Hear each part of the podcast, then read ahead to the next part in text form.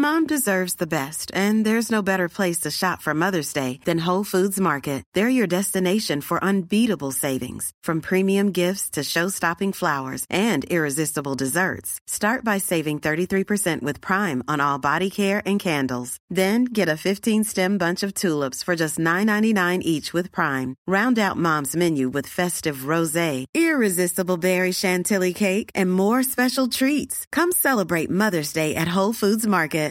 Millions of people have lost weight with personalized plans from Noom, like Evan, who can't stand salads and still lost 50 pounds. Salads, generally, for most people, are the easy button, right? For me, that wasn't an option. I never really was a salad guy. That's just not who I am. But Noom worked for me. Get your personalized plan today at Noom.com. Real Noom user compensated to provide their story. In four weeks, the typical Noom user can expect to lose one to two pounds per week. Individual results may vary.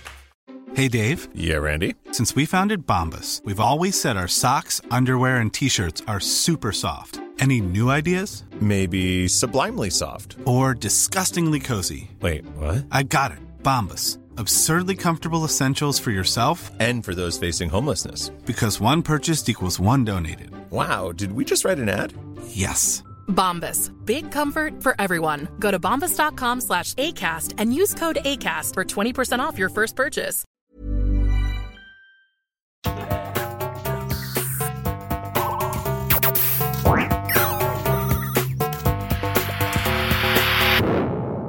Velkommen til Sinnsyn. Jeg heter Sondre Risom Livre, er psykolog, og dette er Webpsykologens podkast. Hverdagspsykologi for fagfolk og folk flest.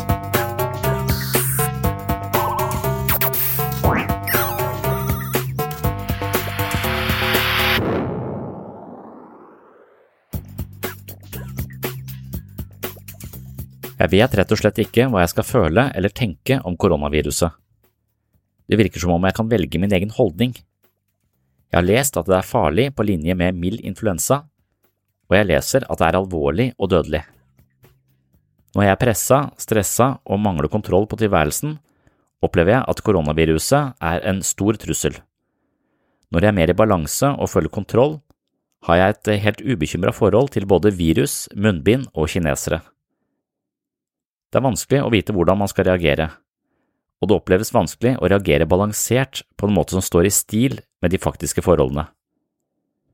På Helse-Norge leser jeg følgende om koronaviruset. Et hittil ukjent koronavirus har forårsaket et pågående utbrudd av lungebetennelse. Utbruddet startet i storbyen Wuhan i Hubei-provinsen i Kina i desember 2019, og viruset ble identifisert av kinesiske helsemyndigheter 7. januar 2020. Det nye viruset har nå fått navnet SARS-CoV-2 og kan gi luftveisinfeksjon hos mennesker. I mange tilfeller har det kun gitt mild sykdom, men det rapporteres også om tilfeller av alvorlig sykdom og dødsfall. Flertallet av de smittede personene har tilknytning til millionbyen Wuhan sentralt i Kina. Sykdommen smitter mellom mennesker, og det er sett smitte til helsepersonell og andre nærkontakter. Det rapporteres stadig flere tilfeller fra andre kinesiske byer og andre land, inkludert Europa. 30. januar 2020 erklærer WHO utbruddet som en alvorlig hendelse av betydning for internasjonal folkehelse. Sinnsyn har ikke for vane å lage dagsaktuelle episoder, men satser snarere på episoder som er relevant over tid, og derfor skal ikke denne episoden handle direkte om koronaviruset, men snarere ta for seg menneskets fryktreaksjoner og et fenomen som kalles for nocebo. For å snakke om frykt skal jeg heller ikke gå direkte på koronaviruset. Det synes jeg er litt uklart hele fenomenet, og har ikke lest meg godt nok opp på denne sykdommen, så jeg vet ikke nok om det. Men eh, hvis det finnes paralleller mellom svineinfluensa og koronaviruset, så er det det som blir en del av tematikken i denne episoden. Svineinfluensaen herjet i 2009 og skapte en slags eh, mild til moderat hysteri over store deler av eh, verden. Muligens finnes det paralleller til måten vi reagerer på koronaviruset i dag, med altså den måten vi reagerte på svineinfluensaen eller sars eller andre lignende epidemier tidligere. Og ved å se litt tilbake på disse tidligere sykdomsutbruddene, så kan det hende vi kan lære litt mer om våre egne reaksjoner og kanskje reagere litt mer passende i møte med den pågående koronavirusinfeksjonen. Da vi hadde svineinfluensautbrudd i Mexico i april 2009, var det mange som mente, og kanskje i etterpåklokskapens navn, at vi overdrev faren på grensen til hysteri. Den virkelige epidemien som feide over verden i 2009, var ikke nødvendigvis et influensavirus, men snarere medias skrekkinnvarslende reportasjer, og kanskje kan frykt i seg selv føre til sykdom. Det blir en del av temaet i dagens episode av Sinnssyn. Den virkelige epidemien som feide over verden, er ikke nødvendigvis et influensavirus, men snarere medias skrekkinnvarslende reportasjer som kan føre til at nocebo-effekten får innflytelse på menneskers liv.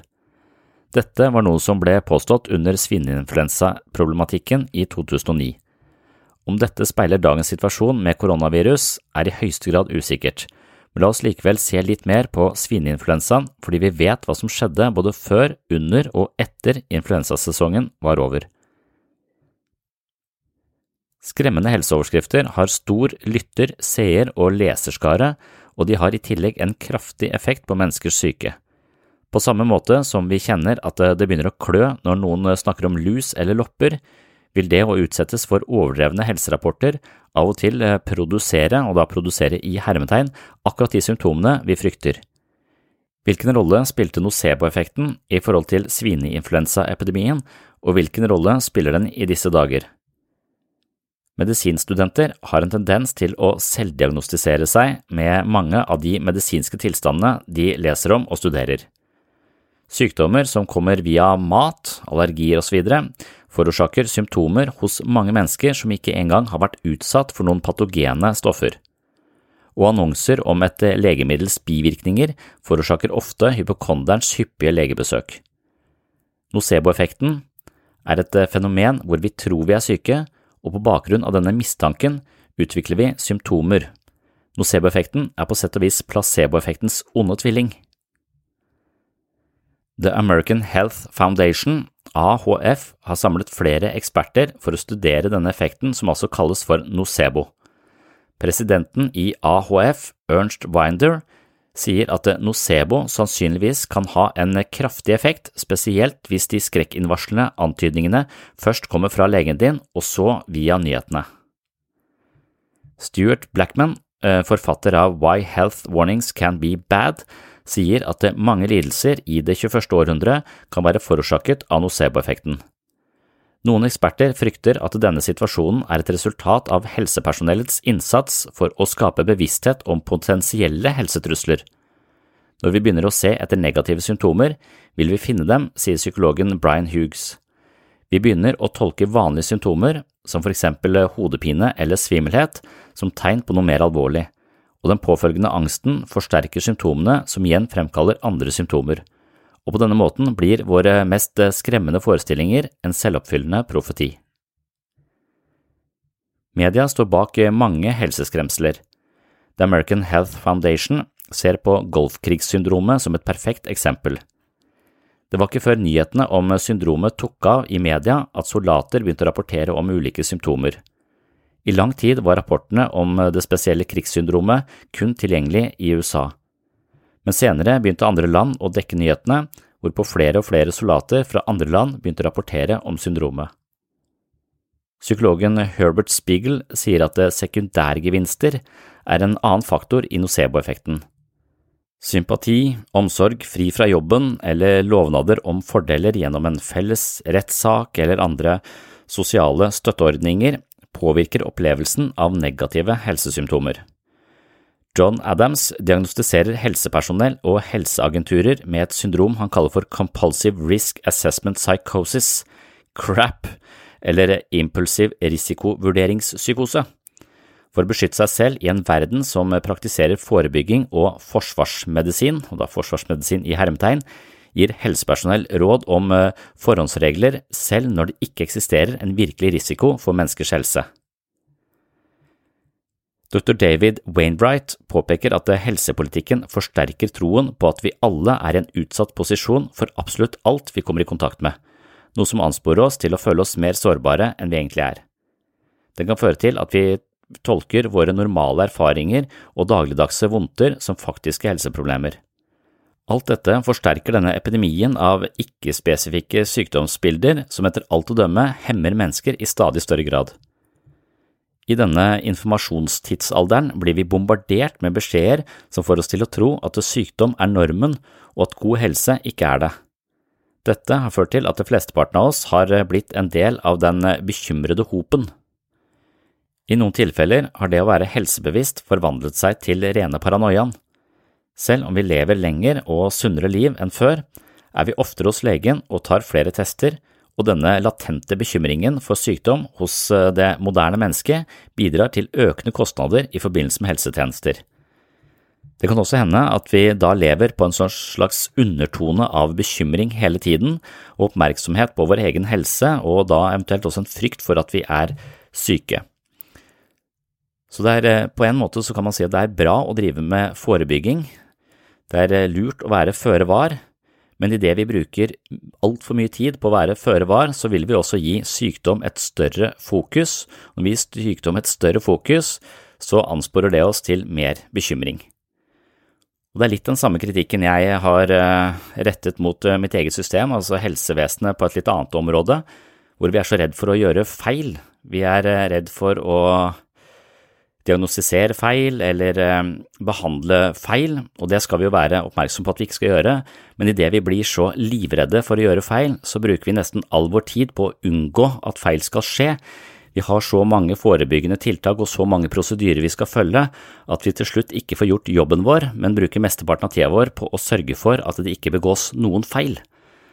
Så jeg er nok en person som mener at vi eh, bør leve med en viss risiko, heller prioritere å gjøre jobben vår så godt vi kan og håndtere feila når de dukker opp, istedenfor å bruke altfor mye tid på å bekymre seg eller forebygge eller tenke gjennom hva som kan eventuelt komme til å gå galt der framme.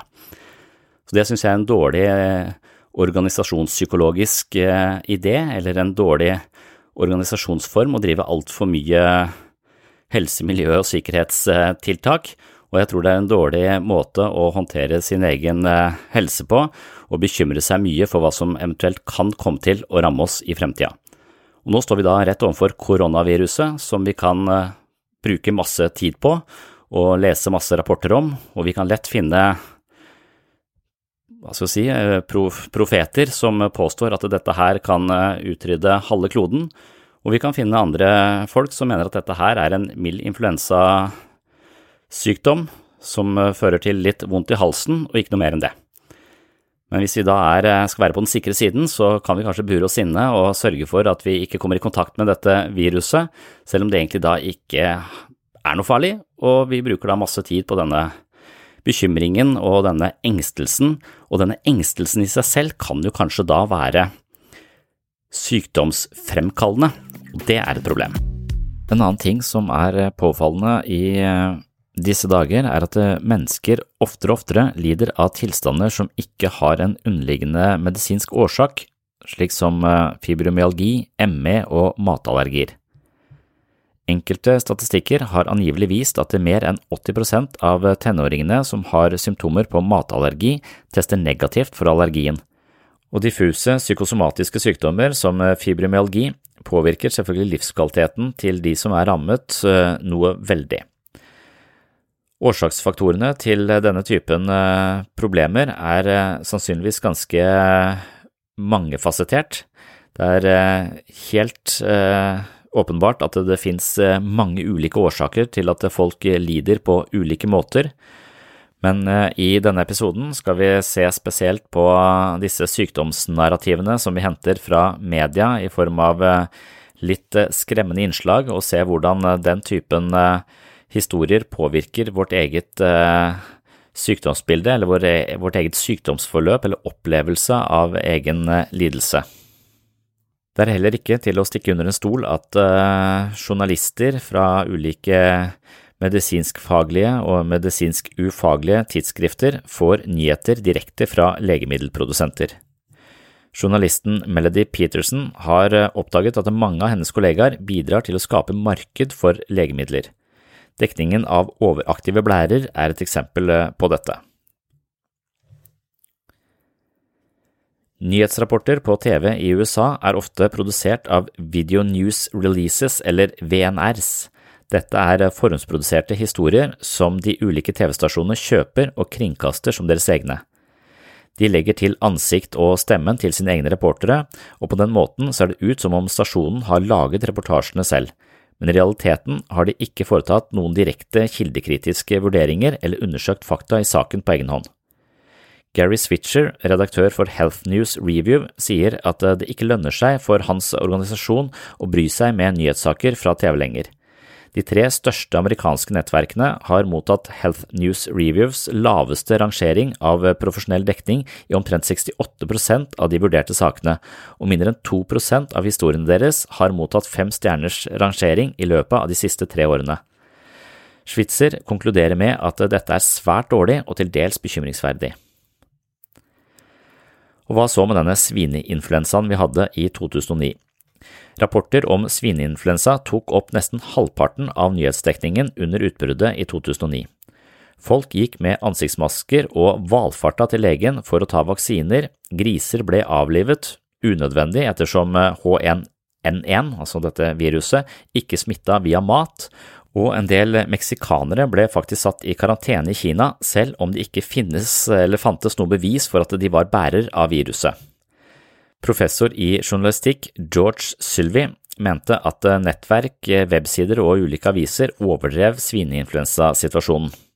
Min ærlige mening er at eh, de, altså nyhetsmedia, prøver å skremme livet av mennesker. Språk er et tveget sverd, sier han, og det kan brukes for å informere folk eller skremme dem.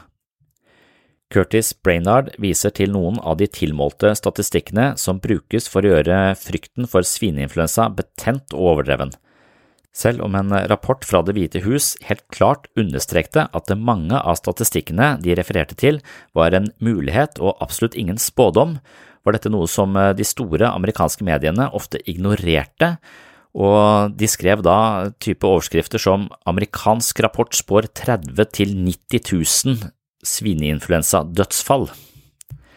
Det globale utbruddet er uunngåelig, den verste helsekrisen på 90 år to millioner døde, stengte skoler og vaksinemangel.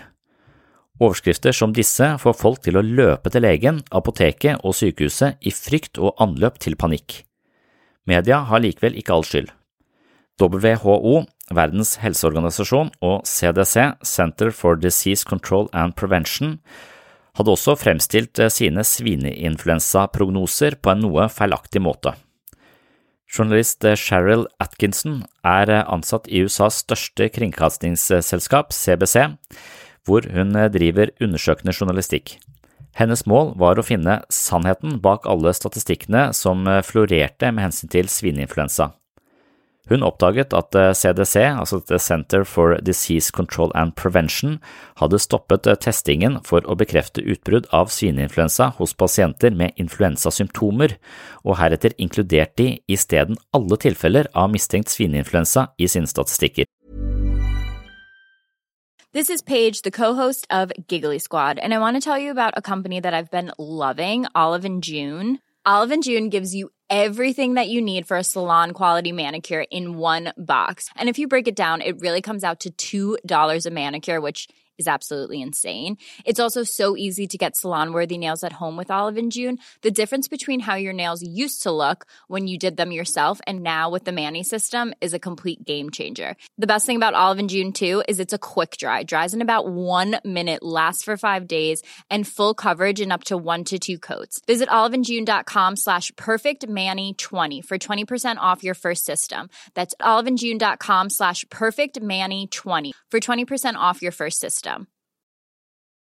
This Mother's Day, celebrate the extraordinary women in your life with a heartfelt gift from Blue Nile. Whether it's for your mom, a mother figure, or yourself as a mom, find that perfect piece to express your love and appreciation. Explore Blue Nile's exquisite pearls and mesmerizing gemstones that she's sure to love. Enjoy fast shipping options like guaranteed free shipping and returns. Make this Mother's Day unforgettable with a piece from Blue Nile. Right now, get up to 50% off at BlueNile.com. That's BlueNile.com. Mom deserves the best, and there's no better place to shop for Mother's Day than Whole Foods Market. They're your destination for unbeatable savings, from premium gifts to show-stopping flowers and irresistible desserts. Start by saving 33% with Prime on all body care and candles. Then get a 15-stem bunch of tulips for just $9.99 each with Prime. Round out Mom's menu with festive rosé, irresistible berry chantilly cake, and more special treats. Come celebrate Mother's Day at Whole Foods Market. Det betyr i praksis at mange av tilfellene ikke nødvendigvis var svineinfluensa, men muligens utbrudd av vanlig sesonginfluensa eller annen sykdom med lignende symptomer. Før man sluttet med testingen av mistenkte svineinfluensa, viste det seg at veldig mange mennesker som trodde de hadde influensaen, altså denne svineinfluensaen, ikke hadde sykdommen eller hadde en annen sykdom med et lignende symptombilde. Av hver hundrede mistenkte tilfeller av svineinfluensa som ble sendt inn for undersøkelse, var det bare et lite antall som var faktiske tilfeller av den fryktede influensaen. Mange var ikke influensa i det hele tatt. 83% av tilfellene i Florida var negative for noen type influensa. 86% av alle de mistenkte tilfellene i California var ikke influensa, og 93% av Alaskas tilfeller var negative for influensa eller svineinfluensa. Leger blir bombardert med mennesker som tror de har viruset, og testingen er ofte unødvendig. Hele dette svineinfluensautbruddet ble ganske kaotisk og uoversiktlig, og dermed så var det mange stemmer som sa helt forskjellige ting. En som het dr. Robert Mercola mente eksempel at administrasjonen og presidentskapet i landet bruker media for å avlede oppmerksomheten fra spørsmålet om influensavaksinen er effektiv og sikker ved å fokusere på spørsmålet om det finnes nok av den. Marcola poengterer at mange forskere og leger kaller regjeringens påstander uforsvarlige og villedende. Her er det altså vaksinemotstandere som slår mynt på denne litt uoversiktlige situasjonen. Ralph Forbis fra American Free Press angir at en forretningsmann som jobber for Helsedepartementet fortalte til AFP at frykten som spres av Washington og Verdens helseorganisasjoner om svineinfluensaen er et forsøk på å skremme mennesker mot å tillate global kontroll av helsevernsystemer. Og her nærmer vi oss virkelig konspirasjonsteorienes farlige terreng men den mangfoldige og til dels villedende informasjonen som ble gitt i forhold til svineinfluensaepidemien, skapte grobunn for spekulasjoner som videre ansporet til fargerike konspirasjonsteorier. WHOs rapport fra april 2009, som startet svineinfluensaskrekken, sa at 176 mennesker var døde i Mexico, men av det antallet så var angivelig bare sju dødsfall bekreftet som svineinfluensa. Ordet pandemi har blitt brukt jevnlig i media, og man kan stille spørsmål ved årsaken til dette. Det er vel lite som tyder på at svineinfluensaen drepte flere hvert år enn den vanlige influensaen, og likevel tenker vi ikke på å sette inn like omfattende tiltak mot den normale sesonginfluensaen. WHO definerer en pandemi som noe som spres raskt og enkelt, og det spiller ingen rolle hvor alvorlig det er. Symptomer på svineinfluensa regnes som milde i de fleste tilfeller sammenlignet med enkelte andre influensatyper og HNN1-viruset er definitivt ikke like dødelig som mange av de andre, men likevel legger man ikke betydelig vekt på disse aspektene i de utallige medieoppslagene rundt svineinfluensautbruddet som vi så i 2009.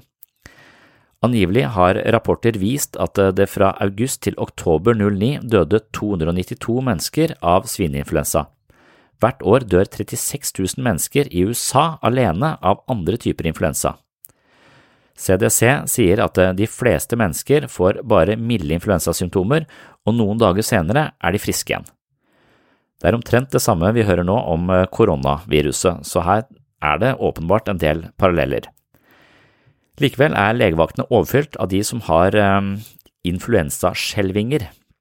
Dr. Jennifer Hanran uttaler følgende, Jeg tror folk bekymrer seg mer for dette enn nødvendig. De fleste mennesker vil komme til å ha en veldig mild sykdomsperiode. Det beste de kan gjøre, er å holde seg hjemme. Dette var altså da i forhold til svineinfluensaen i 2009, og vi hører omtrent de samme stemmene i, i dag i forhold til denne koronaproblematikken. Barnelegen James Higgins sier at de fleste tilfeller ikke er alvorlige. To tilfeller som krevde innleggelse på sykehus, hadde andre underliggende årsaker, forteller han. Ja, det var mye om svineinfluensaen, men poenget er vel bare å si at uh, vi skal være litt uh, kritiske når vi ser på nyheter og holde tunga rett i munnen, for dette her er ikke lett. Og det viser seg for eksempel at bilder er en sterkere provokasjon i media enn ord. Et levende bilde påvirker den sosiale eller kollektive forståelsen av nyhetssaker mye mer enn statistisk informasjon. Det finnes etter alt å dømme tre nivåer av bilder som du bør være på vakt for når du ser på nyhetssendingene om influensautbruddet. Her er det nyhetssaker som bruker enten ingen bilder, nøytrale bilder eller emosjonelt ladede bilder i sakene sine. Ingen bilder betyr vanligvis at saken ikke er av veldig stor betydning. Nøytrale bilder, som for eksempel av laboratoriekulturer og grafer, brukes for å etablere objektivitet og alvorlighetsgrad. Dyr og helsepersonell er eksempler på nøytrale bilder. Emosjonelle bilder fremmer frykt og inkluderer ting som for eksempel barn på akutten og mennesker som går med ansiktsmasker. Hvis en sak viser mange emosjonelle bilder, så bruker media levende bilder i stedet for fakta for å påvirke, og da kan det være grunn til skepsis. God helse er mer vanlig enn sykdom. Influensa er vanlig i vintersesongen, og frykt knyttet til eh, influensapandemier og epidemier har som regel vært overdrevent. Vær forsiktig med hvilke nyheter om eh, koronaviruset du ser på. Hvis ikke kan det hende at du også vil oppleve dens eh, nocebo-effekter, og da kan det hende at symptomene dukker opp enten du er syk eller ikke. Og akkurat dette nocebo-fenomenet er et tema som er ganske interessant, altså placeboeffektens onde tvilling. Placeboeffekten er jo denne tiltroen vi har til ulike preparater, medikamenter og terapiformer. Har vi stor tro på det, så har det god effekt. Har vi liten tro på det, så har det langt mindre effekt. Så holdningen vår til medisiner og behandlinger spiller en stor rolle i effekten og utfallet av denne behandlingen. Nocebo-effekten er altså da denne motsatte reaksjonen, hvor vi tror at vi er syke eller lider av noe, og frykten som det medfører, vil øke symptomene, og så kommer vi inn i en ond spiral hvor vi i verste fall blir syke, eller at denne sykdomsfrykten vår blir en selvoppfyllende profeti. Og nocebo-effekten, det lager jeg en egen episode om, men den blir da publisert for Sinnsyns Patrion-medlemmer i første omgang. Hei, du har nå hørt starten på en av de eldre episodene her på Sinnsyn.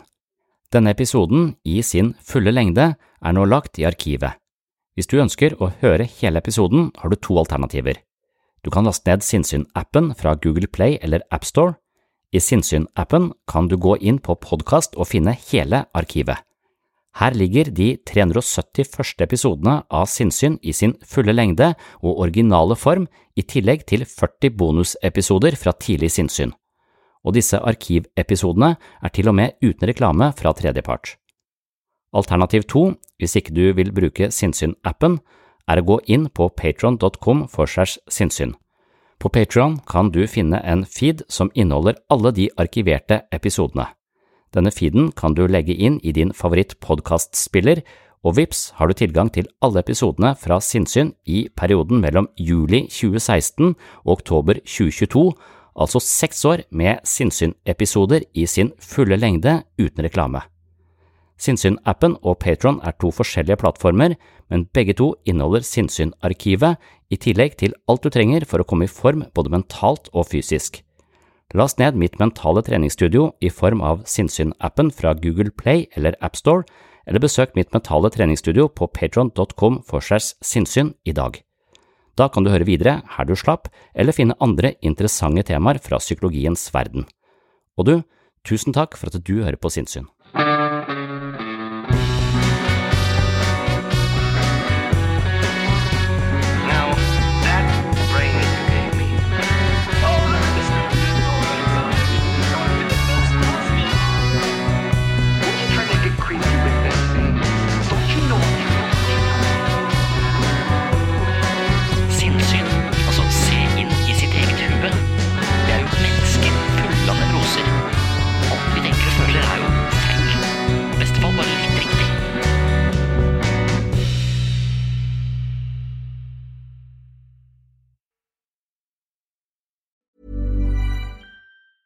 Hi, I'm Daniel, founder of Pretty Litter. Did you know cats tend to hide symptoms of sickness and pain? I learned this the hard way after losing my cat, Gingy. So I created Pretty Litter, a health monitoring litter that helps detect early signs of illness by changing colors, saving you money and potentially your cat's life. Pretty Litter is veterinarian developed, and it's the easiest way to keep tabs on your fur baby's health right at home. Go to prettylitter.com and use code ACAST for 20% off your first order and a free cat toy. Terms and conditions apply. See site for details. Planning for your next trip?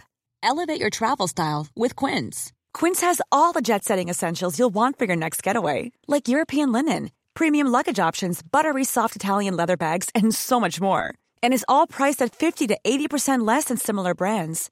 Plus, Quince only works with factories that use safe and ethical manufacturing practices. Pack your bags with high-quality essentials you'll be wearing for vacations to come with Quince. Go to quince.com slash pack for free shipping and 365-day returns. Hey, it's Paige DeSorbo from Giggly Squad. High quality fashion without the price tag. Say hello to Quince. I'm snagging high-end essentials like cozy cashmere sweaters, sleek leather jackets, fine jewelry, and so much more. With Quince being 50 to 80% less than similar brands and they partner with factories that prioritize safe ethical and responsible manufacturing i love that luxury quality within reach. Go to quince.com slash style to get free shipping and 365 day returns on your next order. quince.com slash style